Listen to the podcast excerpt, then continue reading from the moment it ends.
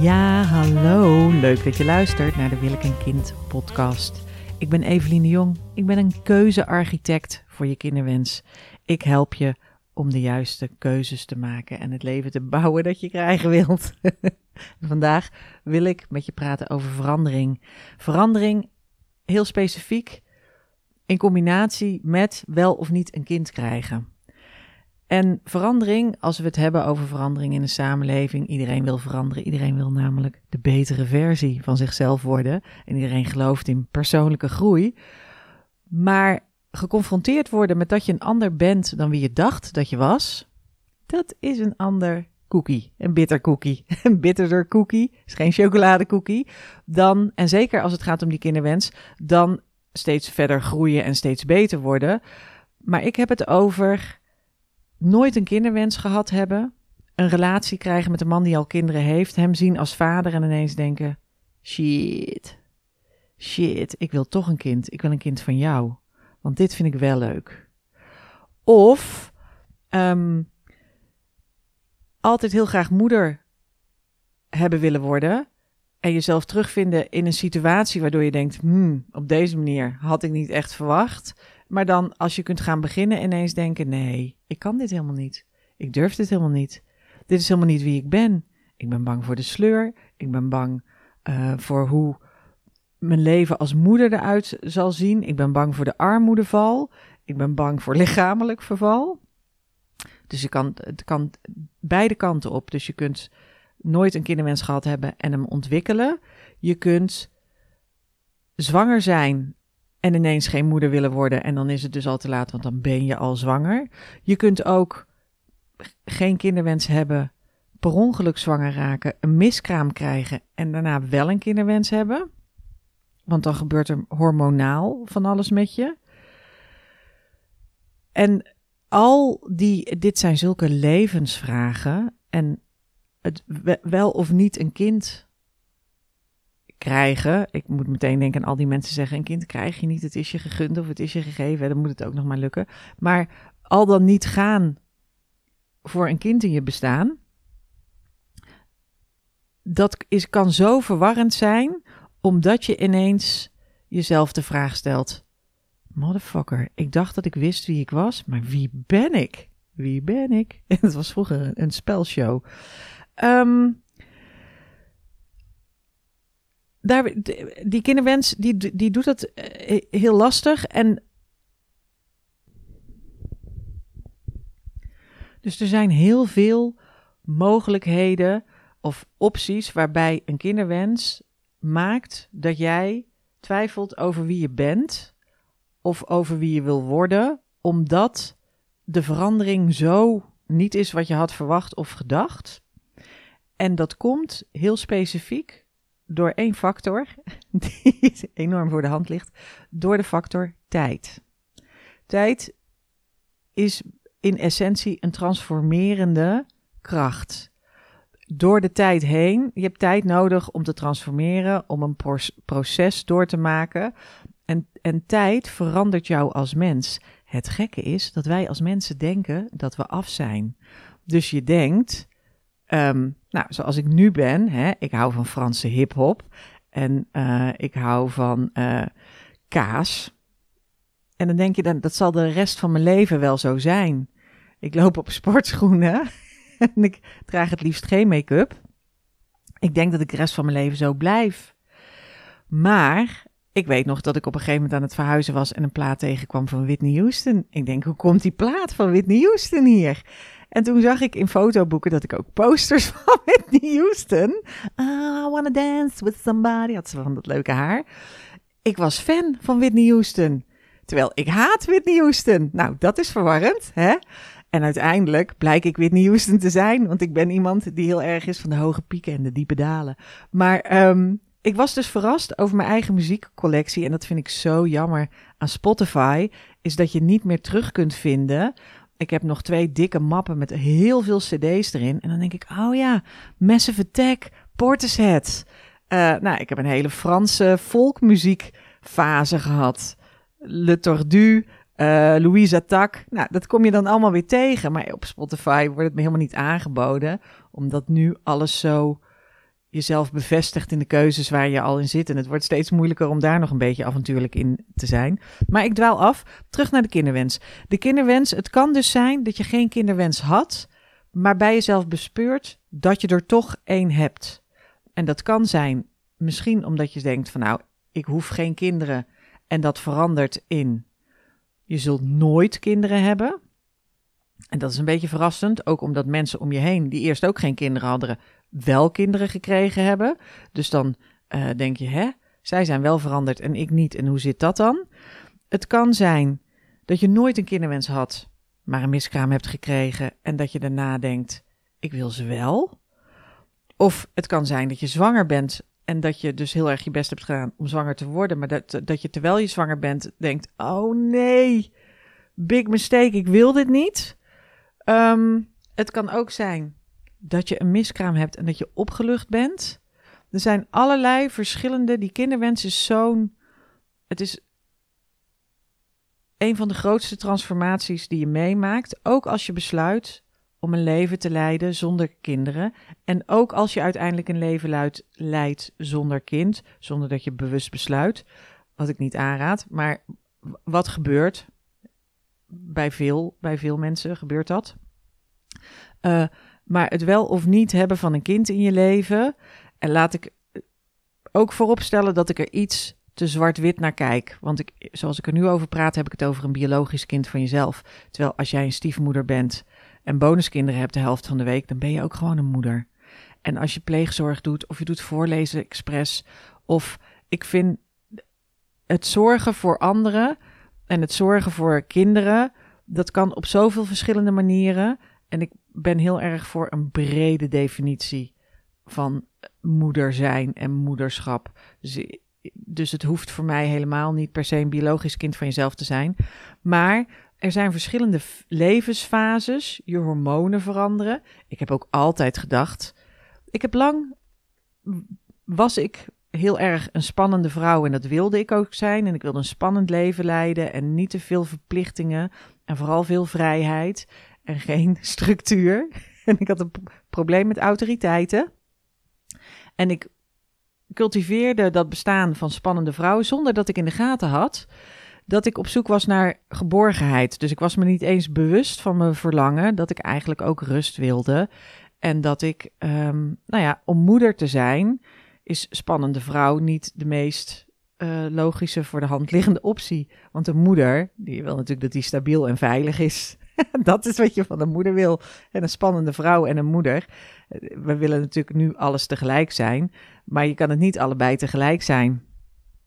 Dus daar, uh, daar moet je ook keuzes in maken. Maar dat je levensfases veranderen, dat je hormonen veranderen, dat je eerst heel veel houdt van Belgisch bier en blowen en dat je nu denkt, nee, laat maar even, want de kosten wegen niet op tegen de baten. Ik, ik, ik lach wel om mezelf en uh, zonder dat ik Belgisch bier nodig heb of een joint. En ik hoef ook niet meer tot vier uur s'nachts bij de Wicked Jazz te staan. Ik denk ook niet meer dat het nog Wicked Jazz is. De sugar, bestaat, bestaat de Sugar Factory eigenlijk nog wel? Um, de tijd die transformeert dingen. En het grote probleem is, wij kunnen niet vooruitkijken in de tijd. Wij zien alleen maar wat er tot nu toe is geweest. En we accepteren dat we veranderd zijn. Dus ik accepteer, als ik die plaat van Whitney Houston tegenkom, dan accepteer ik dat ik vroeger iemand was die dacht: wow, Whitney Houston, te gek. En dat ik nu denk: nee, dezelfde categorie als Barbara Streisand of Celine Dion. Je moet het voor mij niet aanzetten. Maar goed. Um, dus ik accepteer dat ik dat vroeger leuk heb gevonden en dat ik daarin verschillende fases heb doorgemaakt. En dat ik verschillende uh, lichamen heb gehad. En dat ik verschillende smaken heb gehad. En dat dat is veranderd. Maar ik denk wel dat hoe ik nu ben, dat dat af is.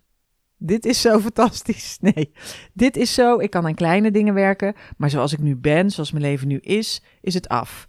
En nou moet ik zeggen, persoonlijke ervaring. Ik heb recent een zeer grote verandering uh, teweeg gebracht bij mezelf. Want ik ben al een tijdje, zoals de vaste luisteraars van deze podcast wel weten, ik ben al een tijdje bezig met het zoeken naar een ander huis. En ik ga verhuizen. Ik ga verhuizen. Zo noemde ik dat vroeger, maar het is nu voor het echi. Ik woon al twintig jaar in die malle woongroep van mij achter het concertgebouw. En ik dacht, ik kan hier niet weg. Deze locatie is te goed. Ik moet wonen in roedelverband, want zo ben ik. Uit mijn ouderlijk huis ben ik au pair geweest. Ik heb in gastgezinnen gewoond. Ik heb in een studentenhuis gewoond met twaalf studenten. Ik heb met twee vriendinnen gewoond. En daarna ben ik in die woongroep terechtgekomen met acht mensen. Ik ben een roedeldier. Ik kan niet. En nu wil ik op mezelf. Nou, het is zover. Ik ben eindelijk af. Ik wil op mezelf. Ik denk dat de volgende fase. Ik kan moeilijk vooruit fantaseren. Maar het kan dus zijn dat ik gewoon ga samenwonen. Een motherfucker. Ik zal misschien nog ooit in een witte jurk. Nee, wit staat me niet. Maar um, groot nieuws. Ik ga verhuizen. Ik ga op mezelf wonen. Ja, het mag gezegd. Ik krijg mijn eigen toilet. Ik krijg ja, een kleine onderbreking van de podcast. Niet voor een reclame, maar omdat ik uh, verkeerd in mijn agenda had gekeken. Overkomt mij wel vaker. En het kantoor, uh, dat werd op dit moment dat ik deze podcast zat op te nemen, door andere mensen uh, bezocht. Dus ik ben verkast van kantoor naar mijn huis. En nu weet ik niet precies meer waar ik was. Volgens mij ging het erover dat ik altijd in roedels gewoond heb en echt een roedeldier ben. En dat ik uh, ga verhuizen. ik vind het spannend. ik scheid zeven kleuren. En mijn vriend vroeg aan mij, wat vind je zo spannend dan? Ik zeg, nou, een nieuwe internetaansluiting. Dat vind ik bijvoorbeeld al Dan kan ik al, dat vind ik een nachtmerrie. Alle formulieren en hoe. Ik woon hier gewoon al twintig jaar en dat was helemaal prima. En ik heb altijd in groepen gewoond, maar nu voel ik dus dat het tijd is om op mezelf te gaan wonen. En misschien later in de toekomst voel ik nog wel dat ik ooit ga samenwonen. Volgens mij zei ik dit vlak voordat ik wegging uit mijn kantoor en naar mijn huis verhuisde. Um, maar ik ga dus verhuizen en ik heb ook nog mijn kantoor opgezegd. Dus um, de, ik, blijkbaar een enorme behoefte aan focus. Op het moment van het inspreken van deze podcast is het 23 december. Nou, dat is de dag voor kerst. En wij gaan zo meteen lekker in een huisje in Friesland zitten met alleen maar familie en vrienden en iedereen die aanwaait en weer wegwaait. En ik merk dat ik behoefte heb aan die focus, maar dat is dus een verandering die ik helemaal niet had zien aankomen of had verwacht. Ik dacht wel, ik was wel al een tijdje bezig met op mezelf te gaan wonen. En toen heb ik nog best wel lang. En het is een proces. Ik, ik was met iemand. Uh, mijn kantoor op het Wilhelmina Gasthuisterrein. Daar betaal je huur, maar naast de huur doe je ook nog community hours. Dus voor de gemeenschap uh, je werk bijdragen. En mijn werkbijdrage was mensen interviewen over de werkruimte waar ze zaten en of dat ze daar nog gelukkig mee zijn. En dat past bij mij. Maar toen zat ik met een dame te praten en die zei ja eigenlijk, hè, ik wil het niet opgeven, want ik ben zo blij met wat ik heb. Maar als ik er echt goed naar kijk, dan is het een oud verlangen waar ik aan vasthoud. Maar wat eigenlijk op dit moment niet meer bij me past. En waarvan ik, als ik heel realistisch ben, niet verwacht dat het in de toekomst nog bij me zal passen. En ik zat met haar in gesprek en ik dacht: Oh ja, ja, dat is bij mij ook. Ik verdeel mijn aandacht over zoveel mensen en zoveel locaties. Daar moeten dingen van af. nou heb ik dus rukzichtloos alles doorgesneden. Dus ik heb um, mijn kantoor opgezegd. En ik ga dus verhuizen naar de Groenburgwal. Ik weet niet of dat ik dat net al verteld heb, maar dat is dus tussen de Nieuwmarkt en de Stopera in. En um, het is net zo dicht bij de school van mijn kind als mijn vriendshuis bij de school van mijn kind is. En uh, tussen mij, het is een soort driehoekje tussen de school, zijn huis en mijn huis. Nou, huis, schoenendozen en mensen, we hebben het hier over Amsterdam. Groenburgwal, het is prachtig mooi. Je kijkt uit op de Zuiderkerk. Um, het is een gracht. Wie wilde nou niet aan een lekkere gracht wonen? Ik moet ineens denken aan uh, Deelder, die de tirade op Amsterdam heeft geschreven. En zegt, wie wilt er nou wonen aan zo'n stinkgracht? Zit je dan lekker? Nou, ik ga dat dus proberen. Um, maar ik vind het spannend en ik ben bang. Het is beangstigend. Want dat is een ander iets. Tijd is een hele belangrijke transformerende kracht. Maar het is ook fucking spannend. En wat ons probleem is, is dat we dus wel kunnen zien wie we waren. En dat dat verrassend is. Huh? hield ik ooit van Whitney Houston. Hè, was biefstuk met champignons vroeger mijn lievelingseten? Nou, daarom is het grappig als ik mijn dagboeken teruglees dat er mannennamen in voorkomen waarvan ik dacht, misschien is dit wel de vader van mijn kinderen. En waarvan ik nu denk, nee, ik kan me niet eens meer verzinnen hoe die knakker eruit zag of waar dit was. Want het zegt me helemaal niks. Dus uh, dat, dat, die verandering, die verwondering naar dingen terug, Allah, maar dan kun je in ieder geval accepteren wat er gebeurd is. Maar vooruit fantaseren is godsonmogelijk. Dat is zo moeilijk. Nou, eigenlijk alleen God kan dat. Of als je dan, als je, als je in een God gelooft, die kan voorzien wat er gaat gebeuren en voorzien hoe dingen lopen en bedenken wat er wel of niet bij je past. Dat is waarom we het ook zo graag aan een hogere macht, lot, destiny, faith, God, Yahweh, Allah, maakt niet uit. Dat we heel graag een grotere kracht, een onzichtbare hand, die door de tijd heen ervoor zorgt dat, dat alles klopt. Dat de verandering klopt. Dat de verandering klopt met, wat, met, wie we, met wie we worden, met wie we willen zijn. Maar die is er helemaal niet er is helemaal niet een. Uh, er is, de, de, mensen zijn heel graag consistent. Dus als je eenmaal op iets ja hebben gezegd, dat hebt gezegd, dat is een verkoperstrucje. Uh, heeft u een goede dag vandaag? Ja. U, vindt u deze kleur mooi? Ja. Wilt u deze bank kopen? Ja. Nou, hè, uh. Maar dan heb je al ja gezegd en je wil graag iemand zijn die klopt met uh, wat hij aan het doen is. Dus als je eenmaal iets gedaan hebt, dan blijf je het vaak doen. Daarnaast hoor je graag bij een groep. Dus het kan best zijn dat jij nooit een kinderwens hebt gehad, maar dat je om je heen al je vriendinnen kinderen ziet krijgen. Bovendien praten de mensen ook tegen je, hè, want andere mensen hebben ook geen begrip, geen, geen tolerantie voor veranderingen en ook niet voor mensen die afwijken van de groep. Dus dat je op een gegeven moment dan toch maar uh, verward achter je oor krabt en denkt: is dat wel zo? Wil ik wel echt geen kind? Of, of Ehm, is er dan iets mis met mij? Of waarom wil ik dat niet en willen al die anderen dat wel? Dus je ziet door de tijd heen ook je eigen vriendenclub veranderen. En als je dan, zelfs al heb je niet de behoefte gehad om een kind te krijgen, dan is dat toch een grote verandering met, met de groep waar je altijd bij hoorde. Dus dan, dan veroorzaakt dat ook al twijfel. En die twijfel, die gaat over zo'n wezenlijk onderdeel, dat dat fucking beangstigend is. Dus als je, als je er bang voor bent, of als je aan jezelf twijfelt omdat je een kinderwens hebt, maar hem nooit had gehad, of omdat je een kinderwens had, maar hem nu niet meer hebt, of omdat je opgelucht was dat je even zwanger was, maar dat de zwangerschap zichzelf daarna afbrak, of dat je uh, denkt: ik wil eigenlijk helemaal geen kinderen, um, maar van hem wil ik het wel. En dat je daardoor in de war bent, dat klopt allemaal. Dat is wat de tijd met je doet. Nou, we kennen ook allemaal, denk ik, wel het idee van uh, persoonlijke groei, van fixed mindset. En uh, een fixed mindset is dat je alleen maar statisch denkt en dat je denkt mensen zullen nooit veranderen. En van een growth mindset, dat is een groeimindset, die er dus van uitgaat dat dingen wel veranderen.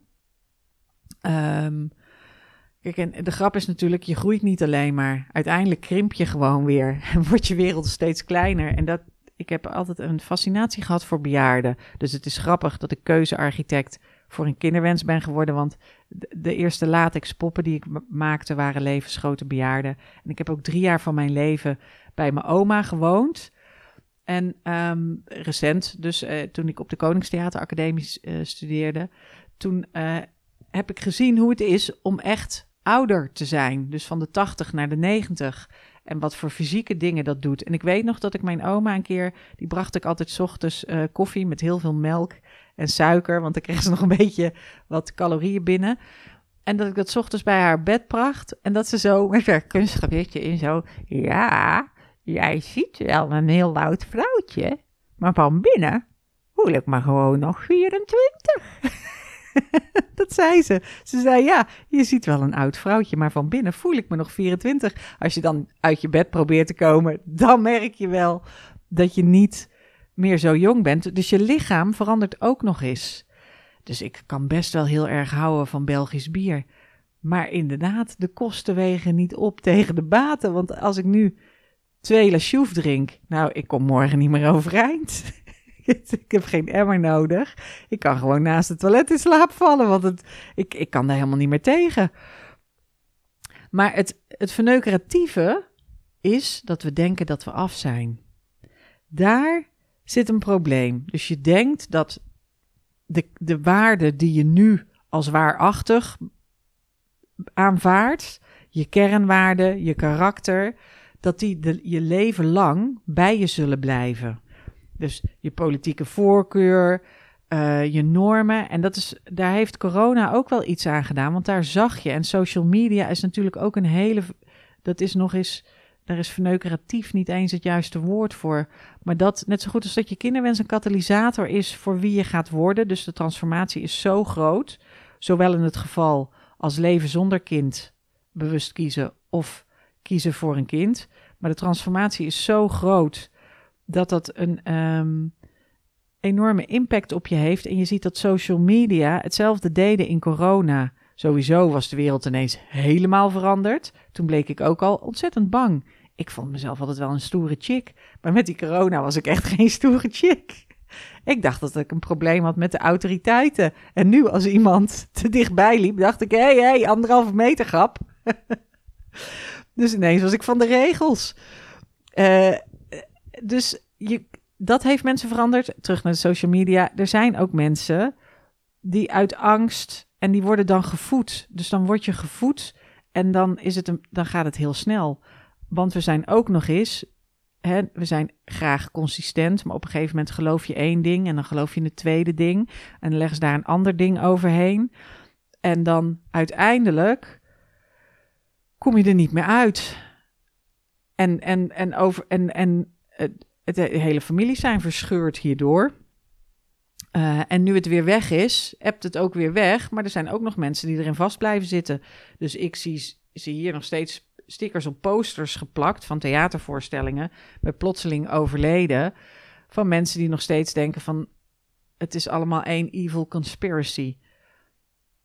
Terwijl de waarheid is genuanceerd. En je hebt natuurlijk uh, die Siewert van der Linde, of ik weet niet precies hoe die heet, met zijn mondkapjesdeal. En die vaccins zijn ook raar. En de hele medische wetenschap, hoe ze omgaan met vrouwen, is raar. Um, maar uh, het gaat om dat het, het veranderen en helemaal iemand anders worden de factor tijd is daarin de bepalende factor. In het geval van corona was de verandering zo groot en is sociale media ook een hele veranderende factor. En angst is een hele rare raadgever. Ze zeggen altijd: angst is een slechte raadgever, maar tegelijkertijd is de angst die je hebt als je gepaard gaat met de kinderwens ook een motivator. Het vervelende is dat je jezelf, dat je dus niet kunt vooruitzien in wie je gaat worden. Je kunt zelfs niet zien wie je wil worden. En wat ik in uh, mijn werkboek heb staan en wel vaker zeg, is dat mensen overschatten hoeveel je kunt veranderen in één jaar, maar je onderschat hoeveel je verandert in tien jaar. En die verandering is niet alleen in muzieksmaak of in eetpatroon, maar ook in levensstijl en het kan zelfs in persoonlijkheid zijn. Ik weet dat ik heel erg veranderd ben toen ik liefdesverdriet had. Dus ik was heel erg verliefd op de muzikant in Maastricht. En toen dat uitging, toen, toen werd ik ineens van iemand die heel levenslustig is en heel blij, iemand die gewoon iedere dag aan het janken was. Ik werd echt een jankert. En dat ben ik best lang geweest, heel vermoeiend voor mijn lieve vrienden om me heen die me hebben bijgestaan. Waarvoor dank. Um, maar ik, daarin herkende ik mezelf niet. En toen heb ik ook nog Zeker ben ik wel een aanhanger geweest van de romantische liefde. Toen heb ik ook nog heel lang gedacht: hij begaat een fout en hij gaat nog een keer erachter komen dat het een fout is en dan komt hij bij me terug. Dat was voor mij de enige manier om dat liefdesverdriet voor mezelf draaglijk te maken, was door te denken: hij begaat een fout. Het, dat kan gebeuren, maar uiteindelijk zal hij bij me terugkomen. Dus ik moet nu de betere versie van mezelf worden. Ik moet nu uh, gewoon doorgaan met mijn leven. Omdat uiteindelijk zal die bij me terugkomen en dan komen wij weer samen. Nou wil het toeval dat we elkaar ooit weer uh, tegenkwamen. in Maastricht in een café. En dat, ik, dat ik hem toen meegesleurd heb naar mijn holletje, want ik was nog steeds een spannende vrouw. En dat ik hem, uh, ik weet nog dat ik dus wakker werd en naast hem lag en dacht, huh? Ik ben gewoon helemaal niet meer verliefd op jou. Terwijl ik dacht dat het ware liefde was en dat ik voor altijd verliefd op hem zou zijn. En dat het liefdesverdriet zo groot was en zo ondraaglijk en zo me de adem benam, dat dit voor altijd zo zou zijn. En dat heb ik ook. Hè, dat is ook waarom lange tijd zout op mijn huid mijn lijfboek was. Omdat ik dacht, nou, dit blijft voor altijd het beste boek dat ik ken. Nou, dat is helemaal veranderd. Ik vind nu Olaf Nitterich veel beter. En ook, wat ik dus heel mooi vind, is als het een heel levensverhaal is, uh, de Napolitaanse romans uh, van Helena Ferrante. Um, en wat, oh, en mijn lievelingstelevisieserie plak ik er meteen achteraan. Dat is nog steeds wel zo. Is de, de, de BBC documentaire serie 7 Up. 7 Up.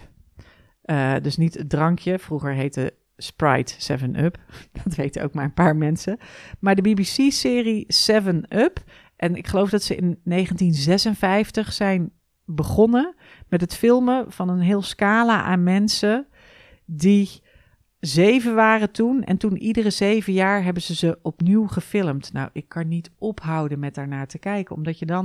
Het is een beetje zoals je een plant filmt. En je speelt dat versneld af. En je ziet een, een plant groeien en openbloeien. Dat is zo magisch. Maar dit gaat dus over mensenlevens. Dat heeft die uh, film Boyhood heeft dat ook. Dat je iemand ziet groeien. Dat is fascinerend.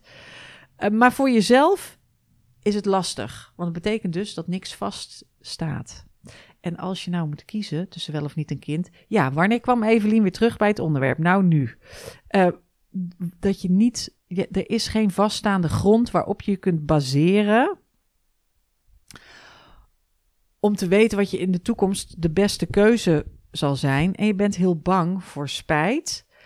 En tegelijkertijd ben je ook bang om op dit moment verdrietige dingen te kiezen. Dus het kan heel goed zijn dat je denkt: ik weet zeker dat ik moeder wil worden. Ik heb ook alles geregeld om moeder te worden. Er staat een trappelend homostel klaar voor co-ouderschap, huppelend van verlangen. Maar tegelijkertijd hè, kan ik, niet, kan ik niet verder? Durf ik het toch niet te doen? Vind ik het ergens toch te verdrietig? Ben ik toch bang dat dit de verkeerde keuze zal zijn? Dat ik de verkeerde commitment aanga? Omdat ik niet kan overzien wat dit de aankomende twintig jaar van mijn leven voor me gaat betekenen. En je weet niet eens over wie je twintig jaar zal zijn. Maar, um, en nou gaat de, de verandering gaat trager naarmate je ouder wordt. Dus als kind zie je heel veel verandering. Vind ik heel leuk zelf, iets aan het moederschap. Als je denkt, wat is er leuk aan het moederschap? Kinderen veranderen supersnel.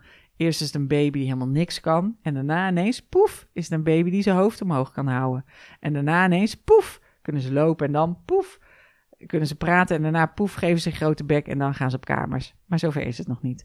Maar je bent dus als kind verander je superveel in een hele korte tijd. Nou, dan word je student, dan verander je nog veel. En daarna verander je ook nog veel, maar gaat het wat trager en heb je al meer geschiedenis die je met je meedraagt. Maar het kan dus zijn dat je dacht: Oh, ik wil altijd trouwen, eh, of ik, hè, later ga ik trouwen en dan krijg ik kinderen. En dat je nu denkt: Oh, misschien bewust co-ouderschap of polyamorie. Ik weet nog dat ik aan het daten was met homo's en dat mijn moeder tegen mij zei: Ja, dat komt bij ons in de familie helemaal niet voor we hebben wel homo's in de familie, maar ze trouwen niet met iemand die, uh, of ze, ze, ze trouwen wel. we hebben getrouwde homo's in de familie. Maar ze, maar ze krijgen geen kinderen. Nee, maar dat was een andere generatie. Nu krijgen homo's wel kinderen. Dus deal with it. En polyamorie is ook weer anders. En helemaal vroeger leefden mensen in, in roedelverband. Maar dat kwam ook uh, weer minder voor.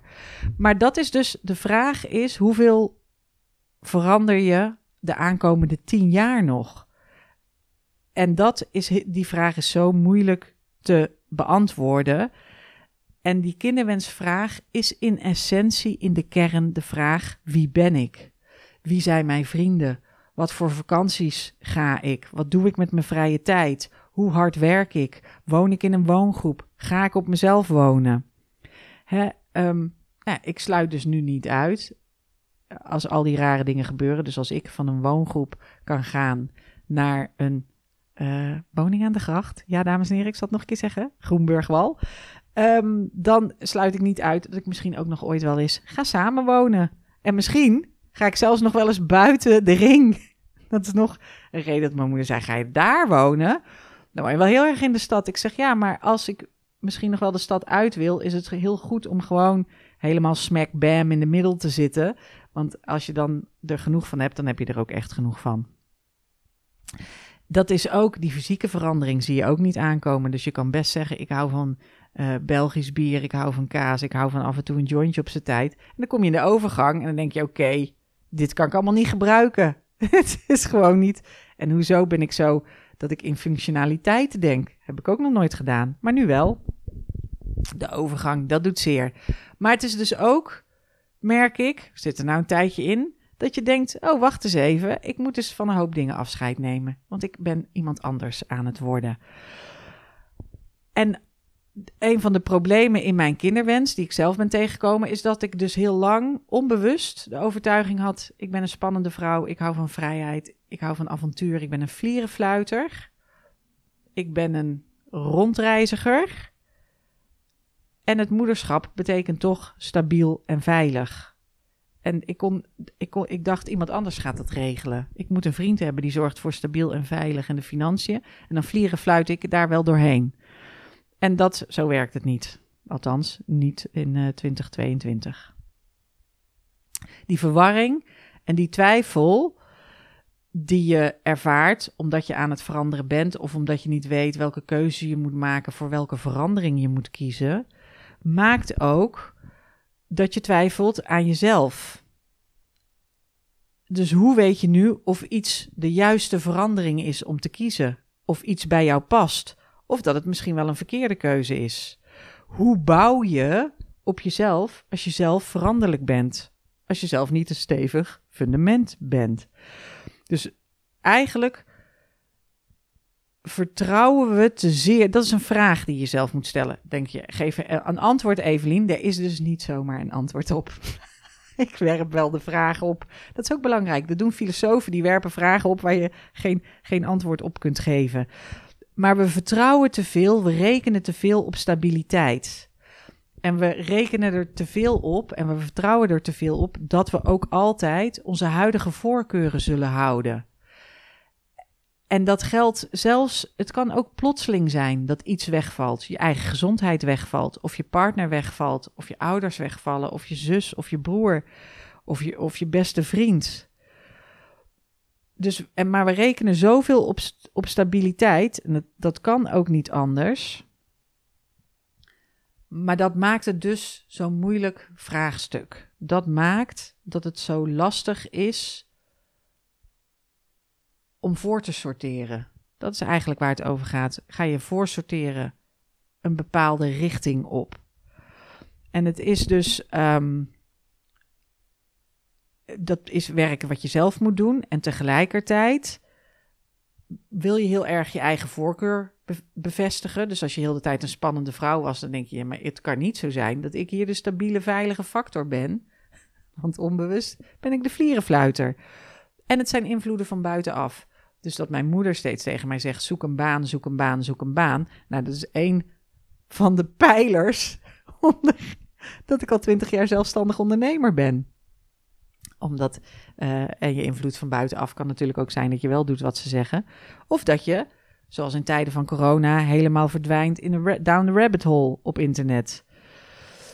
Maar het is makkelijker om je je geschiedenis te herinneren en om je te herinneren alles wat heeft gemaakt tot wie je tot nu toe bent, dan om vooruit te fantaseren. En het is makkelijker om te bedenken: oh ja, die grote liefdes die had ik uh, daar en daarom, dan om jezelf te beseffen: oh ja, maar die liefde was van voorbijgaande aard, die is weer weg. En het ongrijpbare element in deze hele podcast is dus de factor tijd. Dat is zo'n krachtig, transformerend element. En daar rekening mee houden. Ik heb al eerder een podcast opgenomen over tijd. En volgens mij heb ik het toen niet zo gehad over verandering. Dus nu is de insteek veel meer verandering, maar geef jezelf toestemming. Geef jezelf toestemming om te veranderen en om het niet te weten. Geef jezelf dus eigenlijk, als je jezelf toestaat om te twijfelen, en dat is wat ik in mijn uh, kinderwenskompas heel bewust met mensen doe, hebben we zelfs een twijfelmantra en nemen we helemaal de ruimte in om jezelf toestemming te geven om te twijfelen. Dat is omdat je de tijd, de ruimte wil geven om iemand anders te worden. Om de toekomst binnen te laten in wie je nu bent. Om niet vast te houden, krampachtig, aan wie je tot nu toe was. Maar om te denken van oké, en nu ben ik iemand die twijfelt tussen de dingen. Want de constante in mijn leven, en ook de constante in jouw leven, is verandering. Het is moeilijk om daar rekening mee te houden. Het belangrijkste wat je te doen staat, is jezelf ruimte geven om te twijfelen. En met deze uh, veranderlijke podcast ga ik zelf de feestdagen in. Het kan natuurlijk ook zijn dat je dit maanden later hoort en dat je zomers uh, vlak voor de vakantie denkt: verandering, verandering. Maar geef jezelf toestemming om aan dingen te twijfelen en een ander te worden dan wie je bent. En, um, en onderzoek ook wie je onbewust denkt te zijn. Want dat ik een spannende vrouw was of wilde zijn, daar was ik me niet eens van bewust. Terwijl het me wel saboteerde op heel veel vlakken. Het saboteerde in ieder geval mijn zoektocht naar geborgenheid. Want daar zijn spannende vrouwen en vlierenfluiters helemaal niet naar op zoek. Nou, ik wens je het aller allerbeste toe. Met heel veel verandering. En weet dat dat de constante is in je leven. En als je beter wil leren twijfelen en daar ruimte aan geven, dan neem contact met me op. info.willekenkind.nl Fijne dag nog!